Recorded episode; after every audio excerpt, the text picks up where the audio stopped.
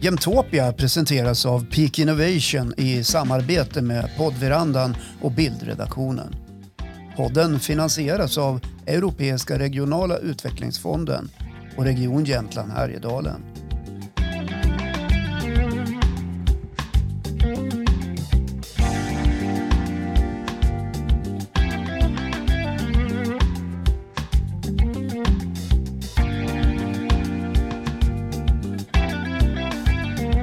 Jag heter Ann Lidgard och eh, jag jobbar på Vinnova sedan ganska många år tillbaka. Ja.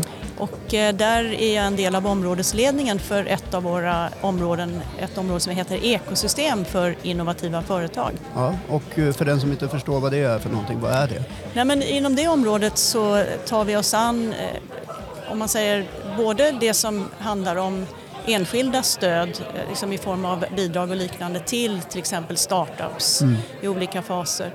Men vi tar också liksom mer av ett helhetstänk kring hela ekosystemet innovationsstöd. Hur ska vi se till så att vi kan få till en bättre helhet i Sverige? Att vi från de olika också offentliga finansiärerna, att, att våra olika insatser, att de lirar bättre ihop att vi kan eh, låsa upp kanske en del regionala, lokala styrkor och göra det till nationella resurser. Så att, så att eh, om du har ett startup, oavsett var du befinner dig i landet, så ska du kunna få tillgång, inte nödvändigtvis precis nästgårds, men du ska i alla fall kunna komma åt den bästa expertisen vi har i landet.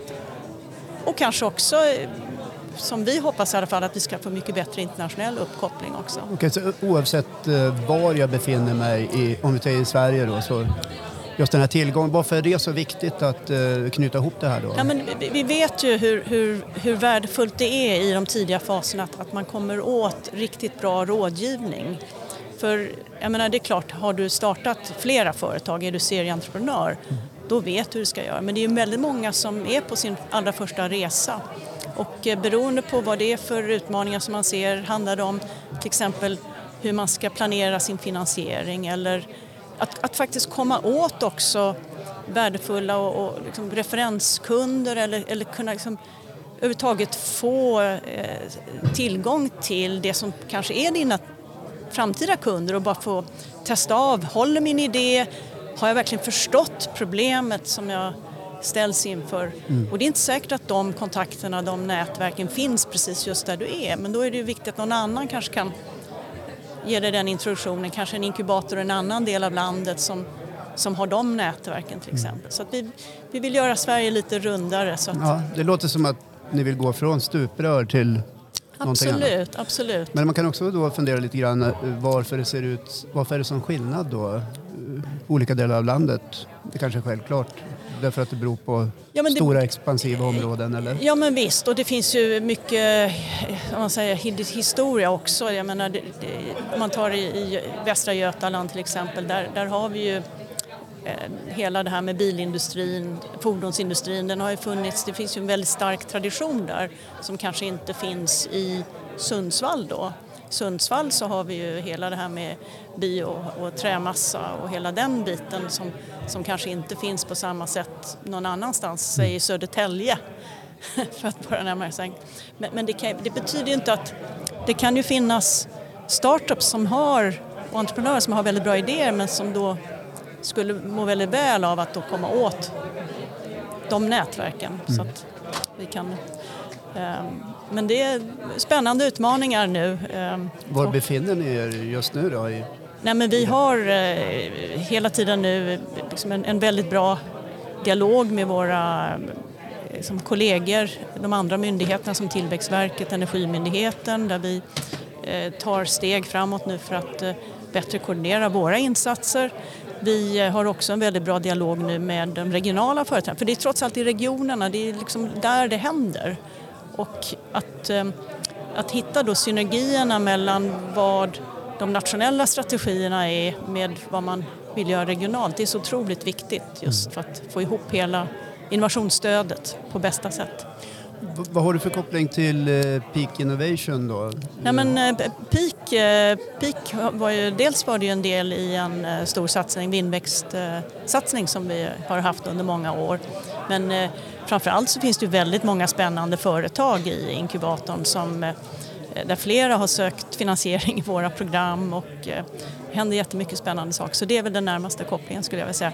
Förutom att Pelle då som ju leder det hela, ju har, jag hade väldigt stor förmån, förmån av att ha haft honom som en fellow i Silicon Valley när jag var chef för vårt kontor där under, ja. under några år. Berätta om den tiden i Silicon Valley. Vad, vad gjorde du där? Nej, men jag blev utskickad 2012 för att starta upp Vinnovas verksamhet i just Silicon Valley. Så jag hade en fot inne på Stanford-universitetet där jag var visiting eh, scholar, alltså gästforskare. Mm. Och sen en fot utanför kan man säga i liksom, själva Silicon Valley-ekosystemet för startups. Ehm, och, ehm, det jag ganska snart insåg det var ju att ehm, det spelar ingen roll om man är från Sverige eller Danmark eller Norge eller Finland. Där var vi Nordics. Så vi hade alla, liksom, alla hade stor fördel av att vi jobbade tillsammans, vi nordiska länder. Så jag var med och startade upp då det som nu heter Nordic Innovation House och, och som faktiskt finns på flera andra ställen i världen också nu. Eh, det finns i New York, i Singapore, Hongkong, Ja, det, det kanske Tokyo. blir så att nordborna Ja men visst, så, så, det, så det här nordiska samarbetet... Vi har det gemensamt. Ja men absolut och, och, och, speciellt när vi är långt borta från Norden, det är där vårt samarbete blir väldigt, väldigt starkt och mm. vi har väldigt mycket att vinna på det. Så att vi blev som en eh, landningsplats för nordiska entreprenörer som verkligen ville snabbt komma igång och, och kunna dra nytta av ekosystemet i Silicon Valley. Vi hjälpte till med kontakter, allt möjligt. Alltså man hör ju ofta begreppet skala upp och helst globalt om det går. Hur står sig den nordiska entreprenören då i jämförelse med övriga världen?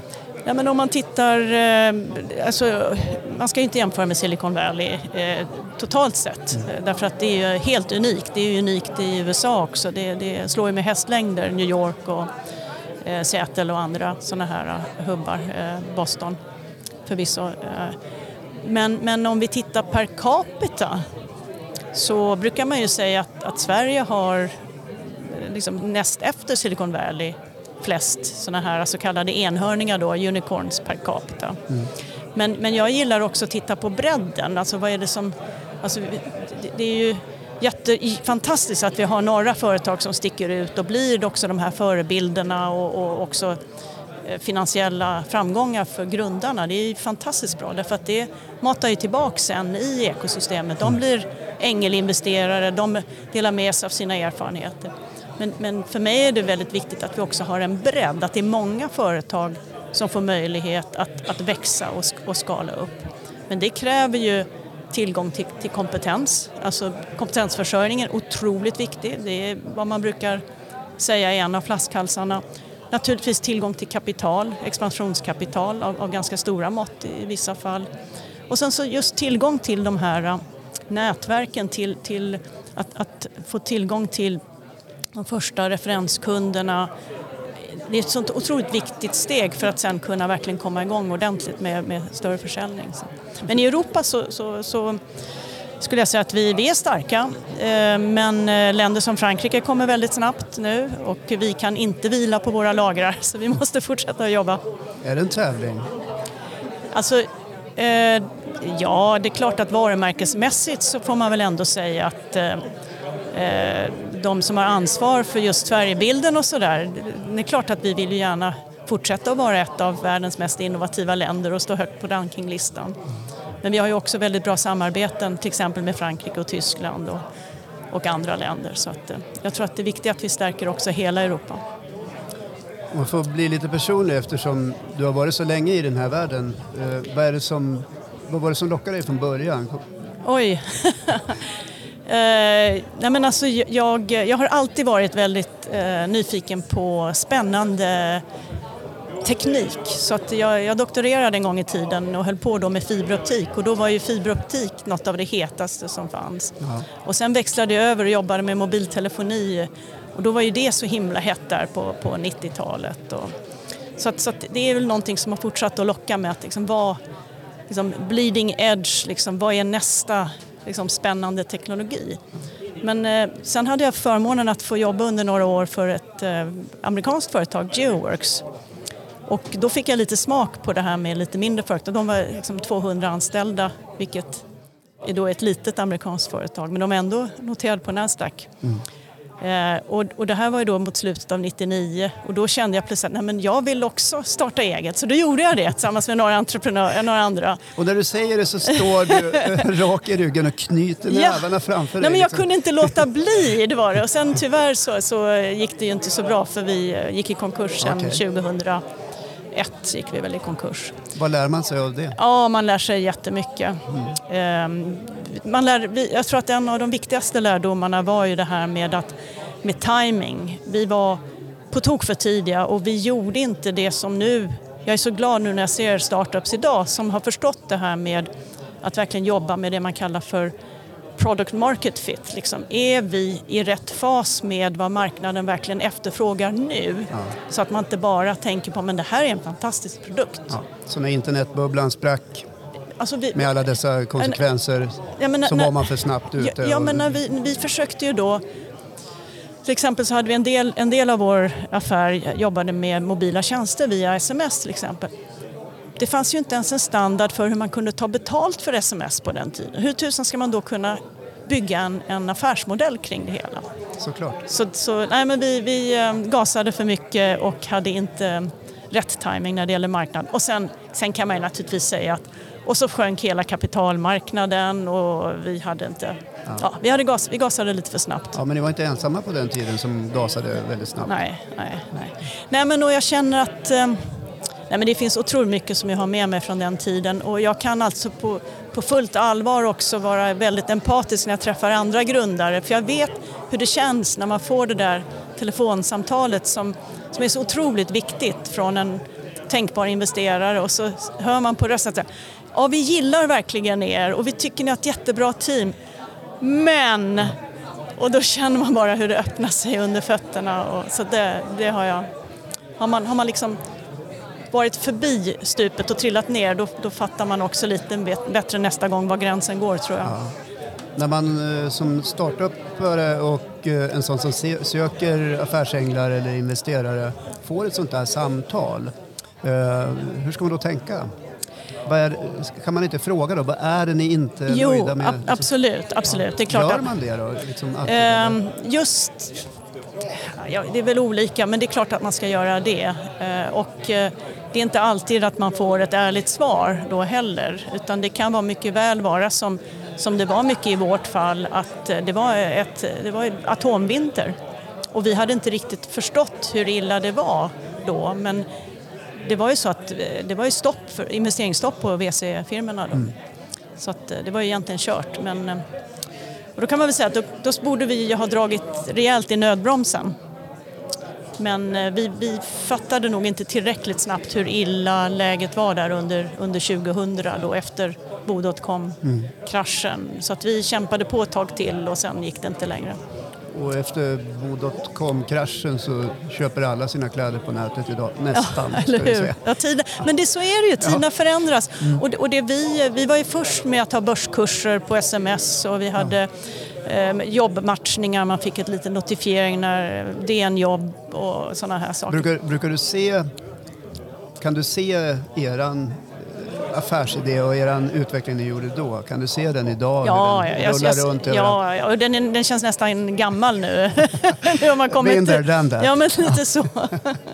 ja, vad intressant. Det, vad är det roligaste med ditt jobb då, att, att eh, jobba med det du gör? Då? Nej, men det är att det känns, dels att det känns väldigt meningsfullt för att det är ju trots allt de här mindre företagen, eh, innovativa företagen som driver på omställning och driver på förnyelse i de större företagen men också i samhället i stort. Så det, så det känns verkligen meningsfullt. Men sen måste jag säga att Vinnova är också en helt fantastisk arbetsplats. Därför att det, det är fullt med medarbetare, med folk där som vill någonting som är större än de själva.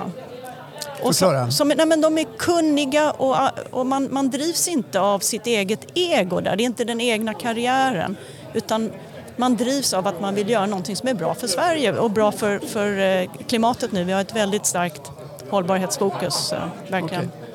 Man jobbar för samhället? Ja, ja.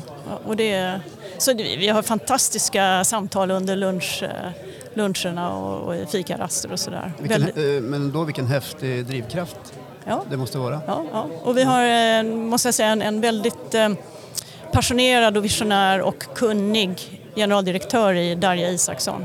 Och det känns också väldigt roligt. Det var jättekul att få träffa dig. Har du kul här på Åre Mm. Ja, Business-dagarna? ja, men det här är ändå, eh, jag är så glad att det här har återupptagit därför att här träffar man entreprenörer, man träffar eh, folk från, som jobbar på regionsnivå, man träffar eh, företagare i större företag, banker och, och man får tillfälle att prata om sådana här saker. Om, och nu är det ju väldigt starkt impact-fokus här i år också vilket jag tycker är väldigt roligt för det är ju precis vad vi tycker är viktigt också på Vinnova. Man brukar ju säga i sådana här sammanhang att det är på kvällarna man nätverkar. Ja men det är, det är värdefullt. Kul att träffa dig Ja. och tack för att du var med på Ja men tack själv, tack.